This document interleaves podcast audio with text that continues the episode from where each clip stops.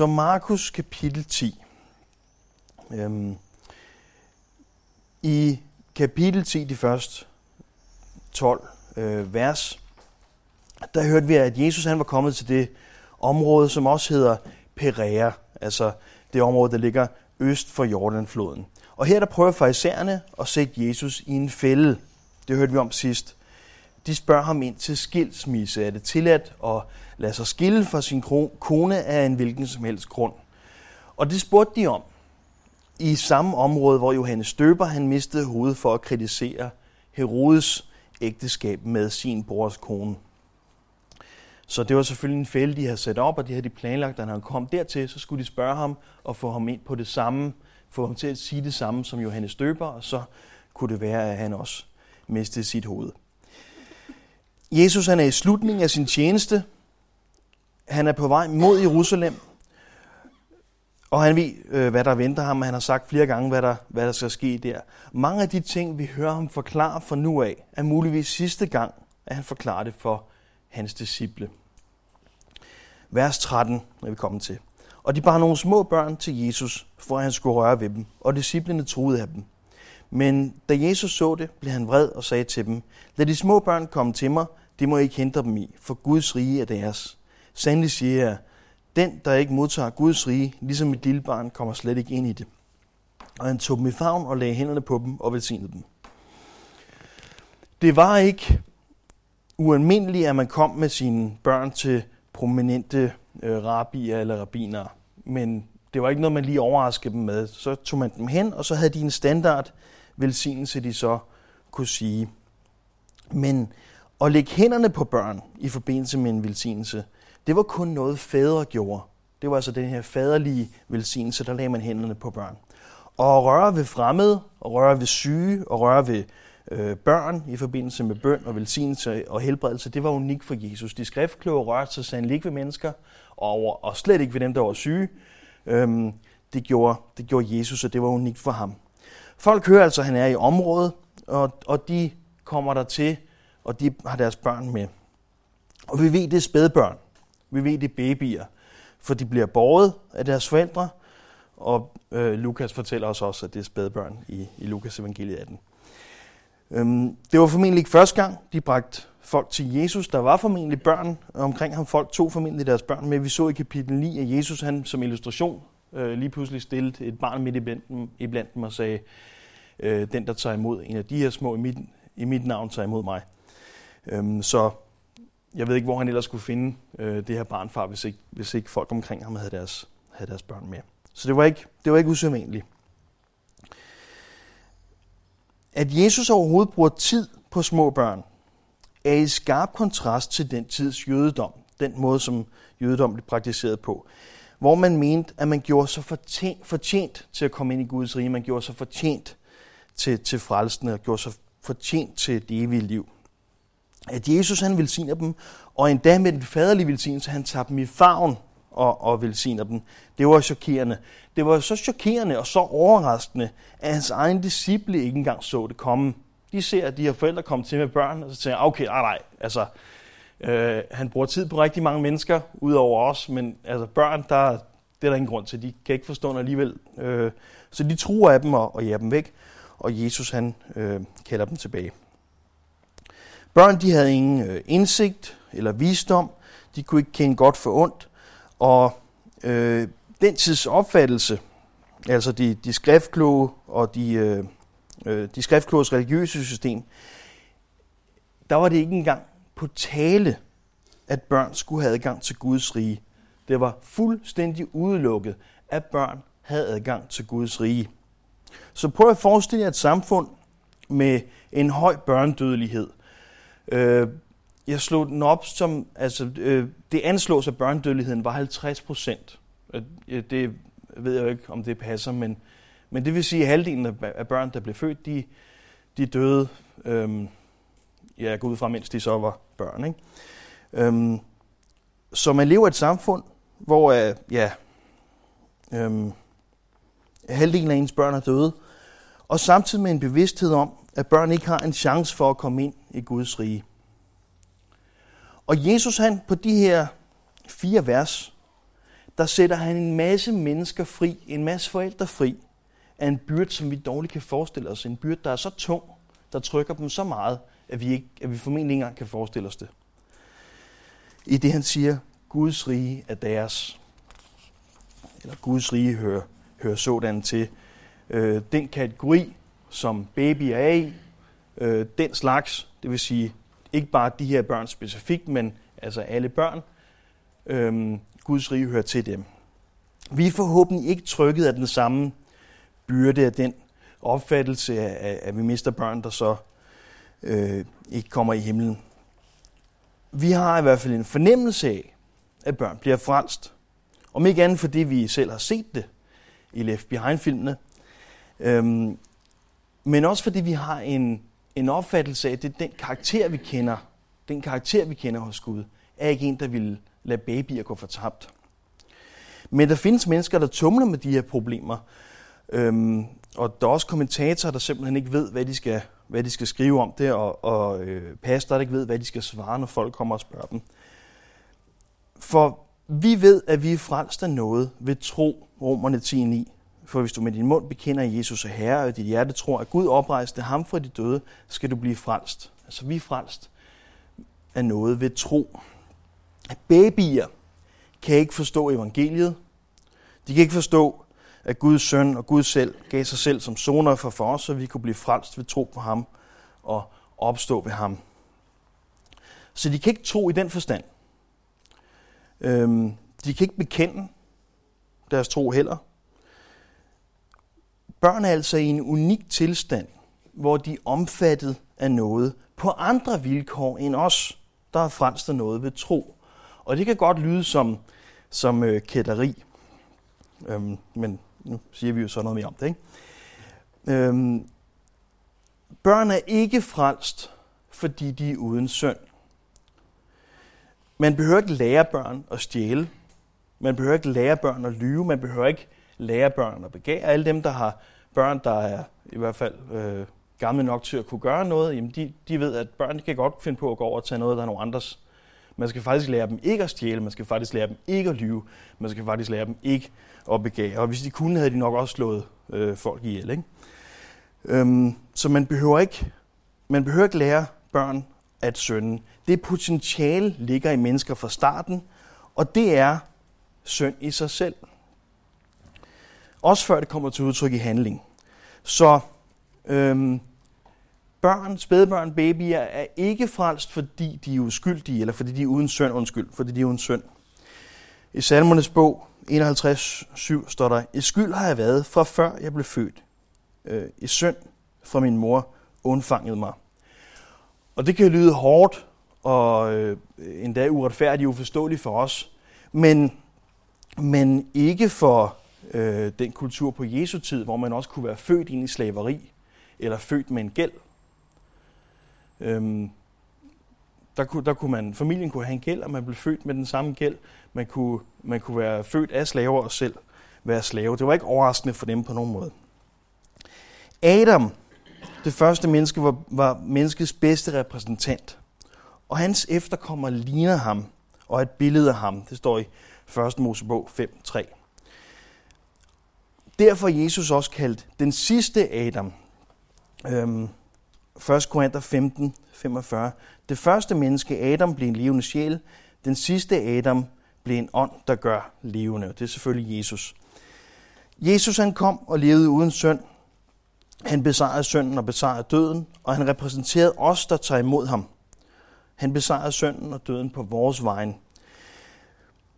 Vi er ikke bedre end Adam. Vi har, altså Adam fejlede, han var bedre end os. Derfor har han fejlet på vores vegne. Og Jesus har sejret på vores vegne, hvis vi tager imod ham. Det er ikke nyt for os.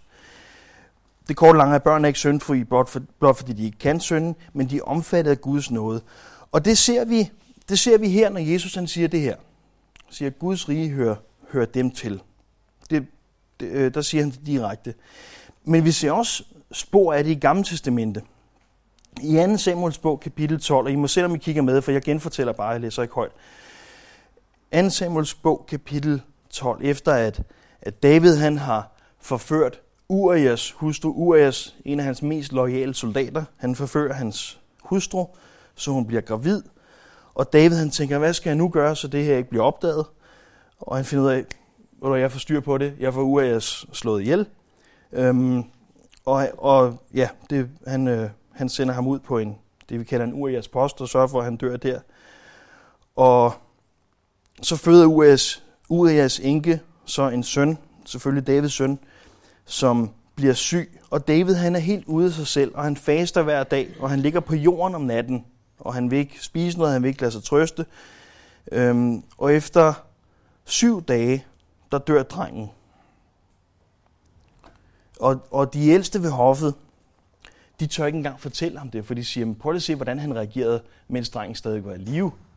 Prøv at tænke på, hvad der sker, hvis vi fortæller ham, at drengen er død. Han kunne gøre en ulykke, siger de. Øhm. Men da David han så finder ud af, at drengen er død, så stopper han sin faste. Han rejser sig op, vasker sig, tilbiger Gud øh, og spiser. Og hans folk de spørger, hvordan er det, du bærer dig ad? Du gør det helt omvendt jo. Du sørgede før, at han døde, og nu øh, ja, har du det fint. Og så siger David i øh, 2. Samuels bog 12, 23, Jeg må følge efter ham. Han kommer ikke tilbage til mig. Men han siger, jeg må følge efter ham. David han havde en forståelse af og en tro på, at han skulle forenes med sin søn som en trøst, og han siger det som en trøst. Det betyder ikke, at han tænker, hurra, jeg skal begraves på samme gravsted, som nogen øh, har foreslået. Det er der ikke nogen trøst i. Men, men han, han bryder sin faste, han siger, okay, øh, det her skal nok gå, jeg ved, jeg følger ham, der hvor han er. Børn er omfattet af Guds nåde, og det gælder alle børn. Vi ser i Jeremias 19 og Ezekiel 16, hvor Gud han taler om afgudstyrkenes afskyelige børneoffringer. Husk på, at, at øh, Baal og øh, Molok, øh, det var nogle af de afguder, man offrede øh, sine babyer til ved at, ved at brænde dem. Øhm, og, øhm, og så trummede man imens for at overdøve skrigene. Og det er det mest afskyelige i Guds øjne, og han, han nævner det flere gange. Og han, i, i, i, øh, i Amias 19 og i Ezekiel 16, der taler Gud om de her ting, og der, der kalder han de her børneoffringer, han, han kalder dem for de uskyldiges blod, og han kalder dem for mine børn. I offrede mine børn, eller I offrede mine sønner, sønner af, af rang. Øhm, børn er ikke syndfri, selvom de ikke kan synde. Børn kan ikke tro på øh, evangeliet, men de omfattede af Guds nåde som en speciel kategori. Og det rejser selvfølgelig nogle spørgsmål. Hvor længe er børn i den tilstand? Hvor længe, hvor længe er de omfattet øh, af Guds nåde, uden om tro? Øh, det, det må øh, være individuelt selvfølgelig, men, men hvor længe er det i den tilstand? Hvad med mentalt handicappede, der bliver ved med at være børn i hovedet? Og hvad med voksne, der aldrig har hørt om evangeliet? Hvor går grænsen? Hvor stor er den gruppe, der, der er omsluttet af Guds nåde, udenom tro? Jeg ved det ikke. Og det er der heller ingen andre, der ved. Det er der ingen, der ved. Vi kan kun forholde os til, hvad Gud han kalder os til, og hvad han fortæller os. Og alle os, der kan forstå evangeliet, er i hvert fald ansvarlige for at tro på og tage imod evangeliet. Og det er det eneste, vi kan forholde os til. Og vi er kaldet til at sprede evangeliet, ikke til at tænke, de bliver nok frelst alligevel. På intet tidspunkt er vi kaldet til at tænke, de bliver nok bare frelst alligevel. Og det er lige præcis den kategori, man ikke må falde i. Det er den tankebane, man ikke må falde i. Vi er kaldet til at sprede evangeliet for alt, hvad det koster. Og vi er kaldet til at tage imod evangeliet. Gud har betalt alt for alle, der vil tage imod ham. Det er ikke for sjov, Gud har gjort det.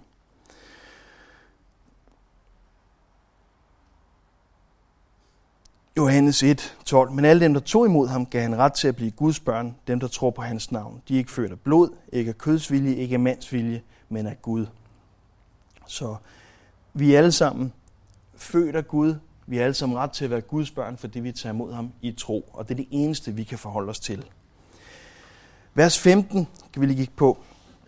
Sandelig siger jeg, den, der ikke modtager Guds rige, ligesom et lille barn, kommer slet ikke ind i det. Og det er det, de små børn de kan. Det er det, babyer kan. De kan tage imod i tillid. Uden stolthed, der, der hindrer dem i at komme uden at, at, at have en bagtank og uden at, at, og have en mistanke, undskyld, men de kan tage imod i tillid. Og det er det, som, som Jesus bruger som eksempel. Jeg tror, at den her begivenhed, som er nedskrevet både i Matthæus, Markus og Lukas, altså de tre synoptiske evangelier, er det stærkeste eksempel på at tage imod frelsen af noget. Altså gratis. Der er ikke noget bedre eksempel, synes jeg, end de her børn, der tager imod. Børn tager imod helt, øh, helt uden forbehold, helt uden stolthed. Og det er det, vi er kaldet til. Og det, jeg synes, det er det bedste eksempel på at tage imod frelsen. Vers 17. Og da Jesus gik ud på vejen, kom der en løbende og faldt på knæ for ham og spurgte, Gode mester, hvad skal jeg gøre for at evigt liv? Jesus svarede ham, Hvorfor kalder du mig god? Ingen er god, undtagen en, nemlig Gud. Du kender budene. Du må ikke begå drab. Du må ikke bryde et ægteskab. Du må ikke stjæle. Du må ikke vidne falsk. Du må ikke begå røveri. Er din far og din mor. Han sagde, mester. Nej, han sagde det med en dybere stemme. Han sagde, mester.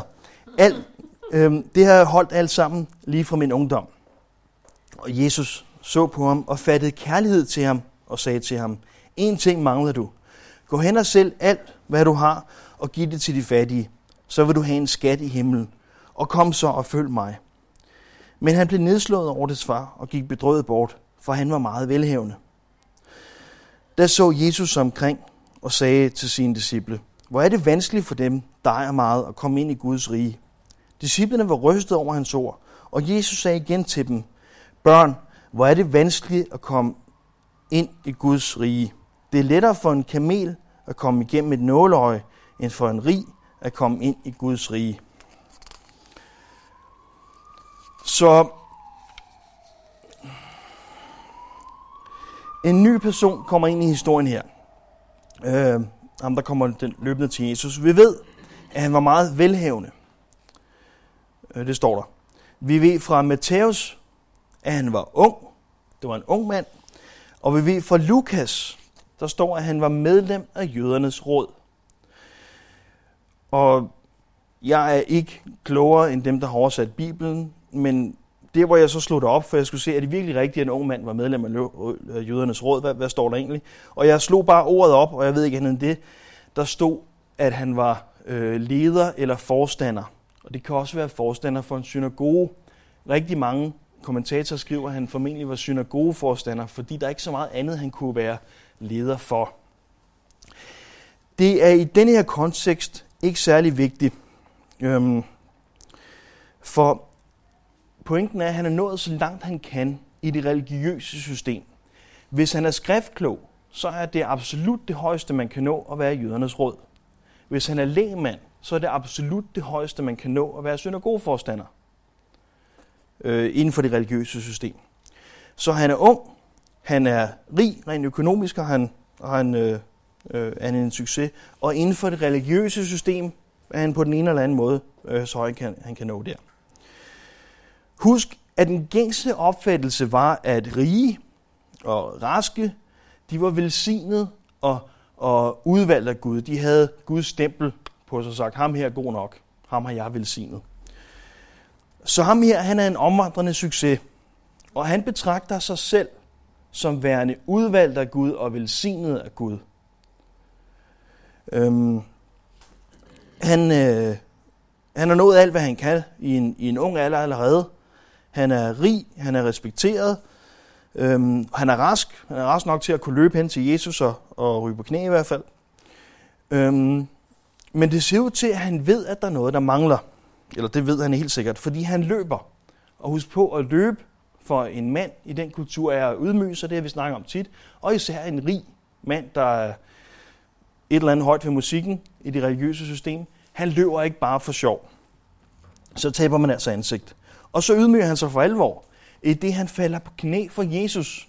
Det her, det er modstanderen af hans bagland. Det her, det er, det er en af dem, som, som hans, øh, hans allierede ikke, ikke er super glad for. Så ved at falde på knæ på Jesus, der brænder han en masse broer i sin omgangskreds. Det her, det gør han ikke for sjov.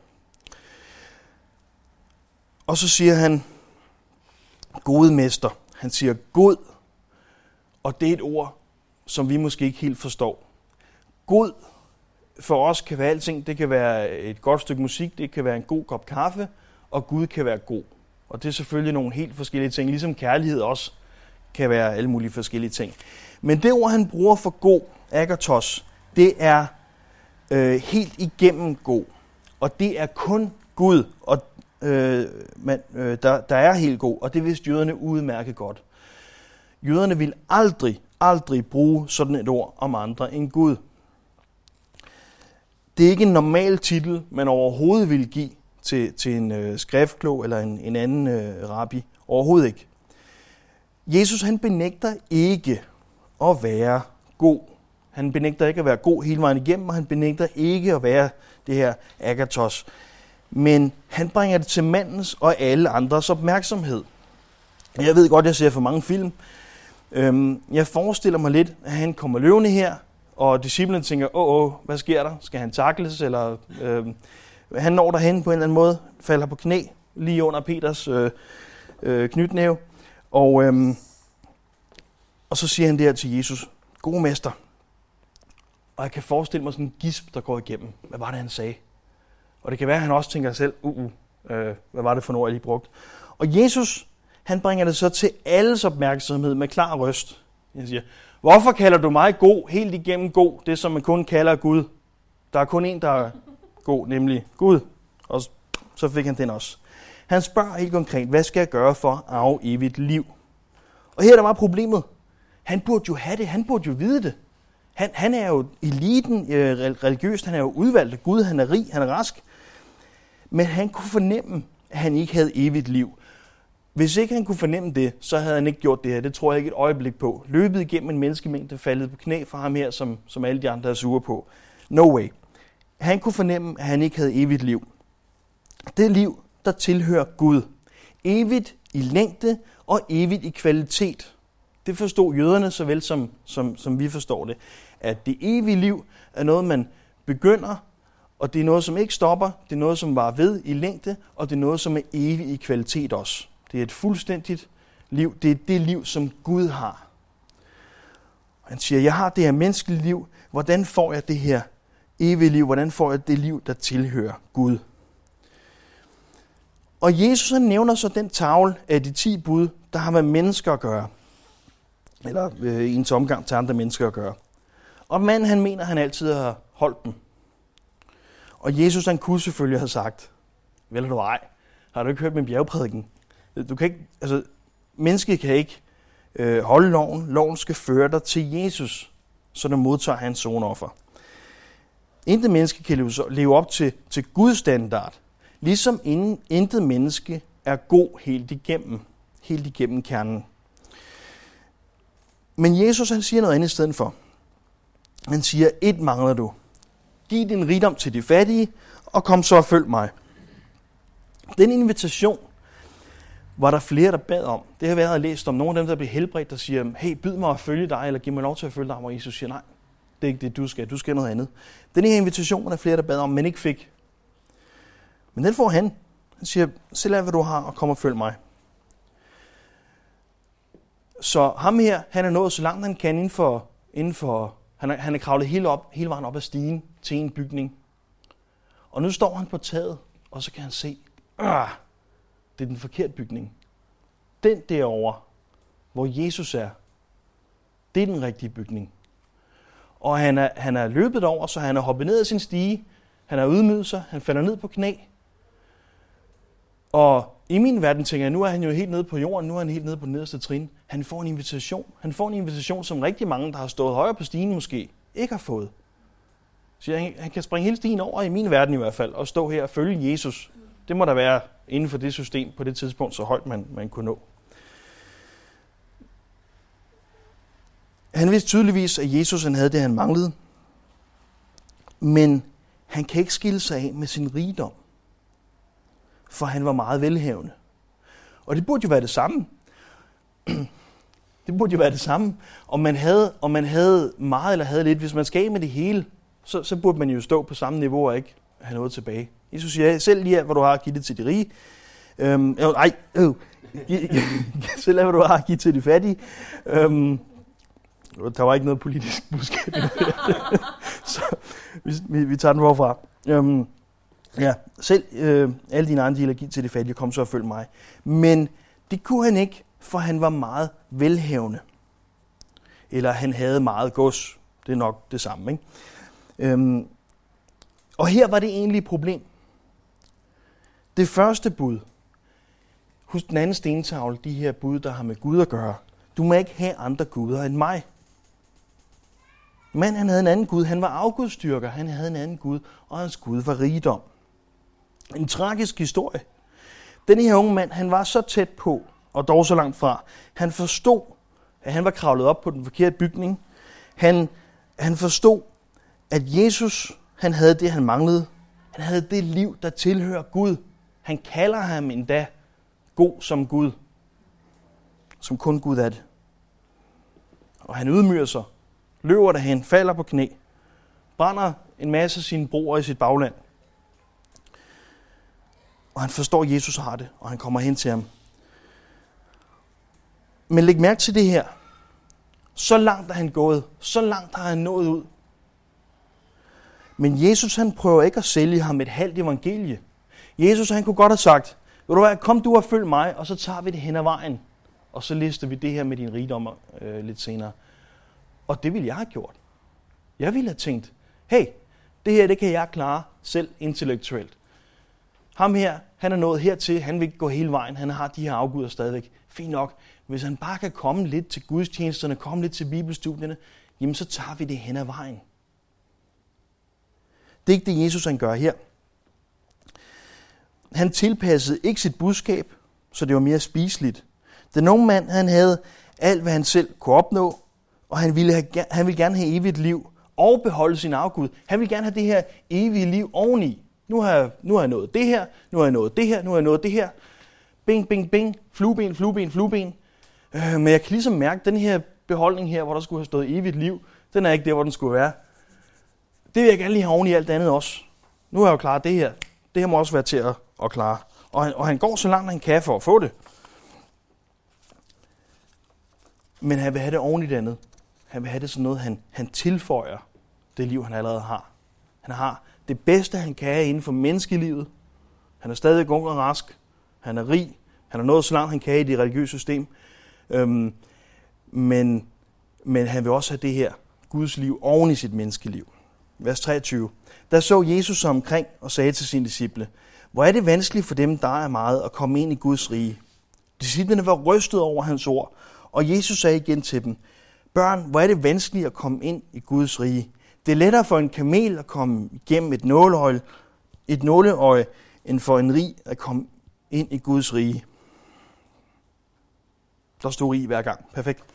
Øhm, det de hører her, det er selvfølgelig, hvor er det vanskeligt for dem, som er velsignet af Gud og udvalgt af Gud, at komme ind i Guds rige. Og, og derfor bliver de jo helt chokeret. Det er jo sådan, de opfatter de rige. Det er helt græsk for dem, eller, eller øh, altså, ja, det er helt sort for dem. Øhm, I 1. Timotius øh, 6, 9 står der, men de, der vil være rige, falder i fristelse og baghold og henfalder til utallige, tåbelige og skadelige tilbøjeligheder, som styrter mennesker i undergang og fortabelse. For kærlighed til penge er roden til alt ondt. Drevet af den er nogen blevet ført bort fra troen og har voldt sig selv mange smerter. Og det er klart, for det er en afgud. Det er en afgud, der er tiltalende, som man hellere vil følge. Man kan ikke tjene øh, Gud og mammon samtidig. Man kan ikke tjene to guder, altså en afgud og den rigtige Gud heller. Selvfølgelig en kamel, det er det, det største dyr, de er bekendt med. Øh, det er i hvert fald det største dyr, de, de har set i virkeligheden og, og formentlig rørt ved. Et nåløje, den mindste åbning, den mindste sprække, de kendte. Øh, det er ikke en port, det er ikke nogen dør. Øh, jeg har ikke rigtig givet at slå op, om der overhovedet var en port, der hed nåløjet, eller en dør, der hed nåløjet, fordi Matthæus og Markus, de kalder det en rapis, den her nål. Altså øjet på en rapisnål. Men lægen Lukas, han siger øjet på en belone, altså en endnu mindre kirurgisk nål. Det vil sige, det allermindste, de kender De, de, det mindste, de kender, det er det her nåleøje på den her nål. Og Lukas, han kender altså lige denne her, øh, det her nåleøje på den kirurgiske nål. Derfor øh, har jeg ikke besværet mig med at slå op om noget med den her port her.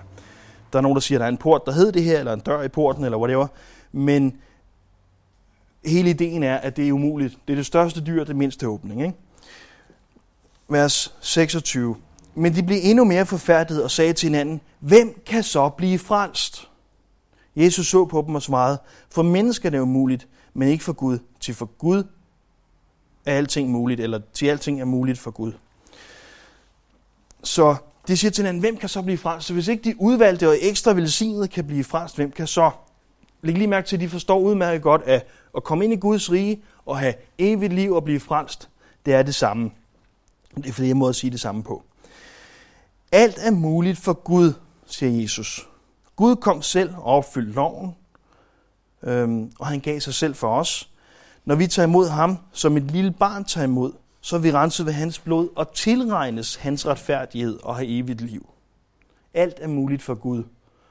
Når man siger, at det alt er muligt for Gud, Gud er almægtig, øhm, omnipotent, så er der altid nogen, der kommer og siger, kan Gud så lave en sten, der er så tung, at han ikke selv kan løfte den? Jeg ved ikke, altså, hvad det er, de vil opnå med det spørgsmål. Men det kan han godt.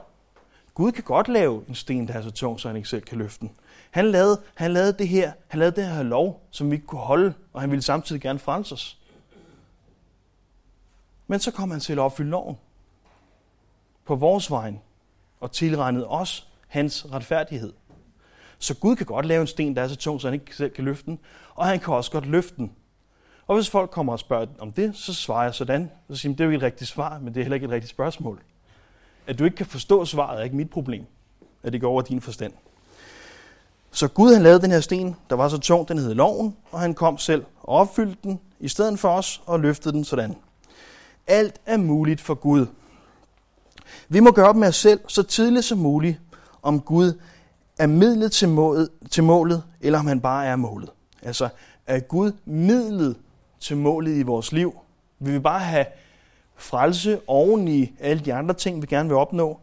Er det evige liv bare vores pensionsordning oven i alt det andet, vi gerne vil nå? Oven i hus, familie, karriere, øh, whatever. Eller er Gud selve målet med vores liv? Jesus han er ikke bare den, der giver frelse. Det er ikke der, man henvender sig. Hvis man ydmyger sig nok, øh, så får man lige frelse oven i alt det andet i ens liv. Jesus er ikke bare den, der giver frelse. Han er vores frelser. Og Jesus han er ikke bare den, der, hvor vi, hvor vi får liv. Han er opstandelsen og livet. Og Jesus han er ikke bare den, der sætter os fri af synd og død. Men han er vores herre, som vi tilhører. Og derfor er vi fri for de her ting. Så er Gud midlet til målet i dit liv, eller er Gud målet med dit liv? Jesus, tak for dit ord til os. Må det være dit ord, der bliver husket her. Tak, at du har givet os langt mere, end vi kan forstå, langt mere, end vi kan kapere i det her liv, og langt mere, end vi vil kunne beskrive her. Tak, at du har givet os et evigt liv i tid og kvalitet og sikkert meget andet her. Tak, at du er frelst, og tak, at vi kan komme ind i dit rige, blot ved at tage imod dig ved tro her. Tak, at du er nådig og trofast, og evig nådig og evig trofast her. Tak, at vi kan tage imod dig ved tro her. Amen.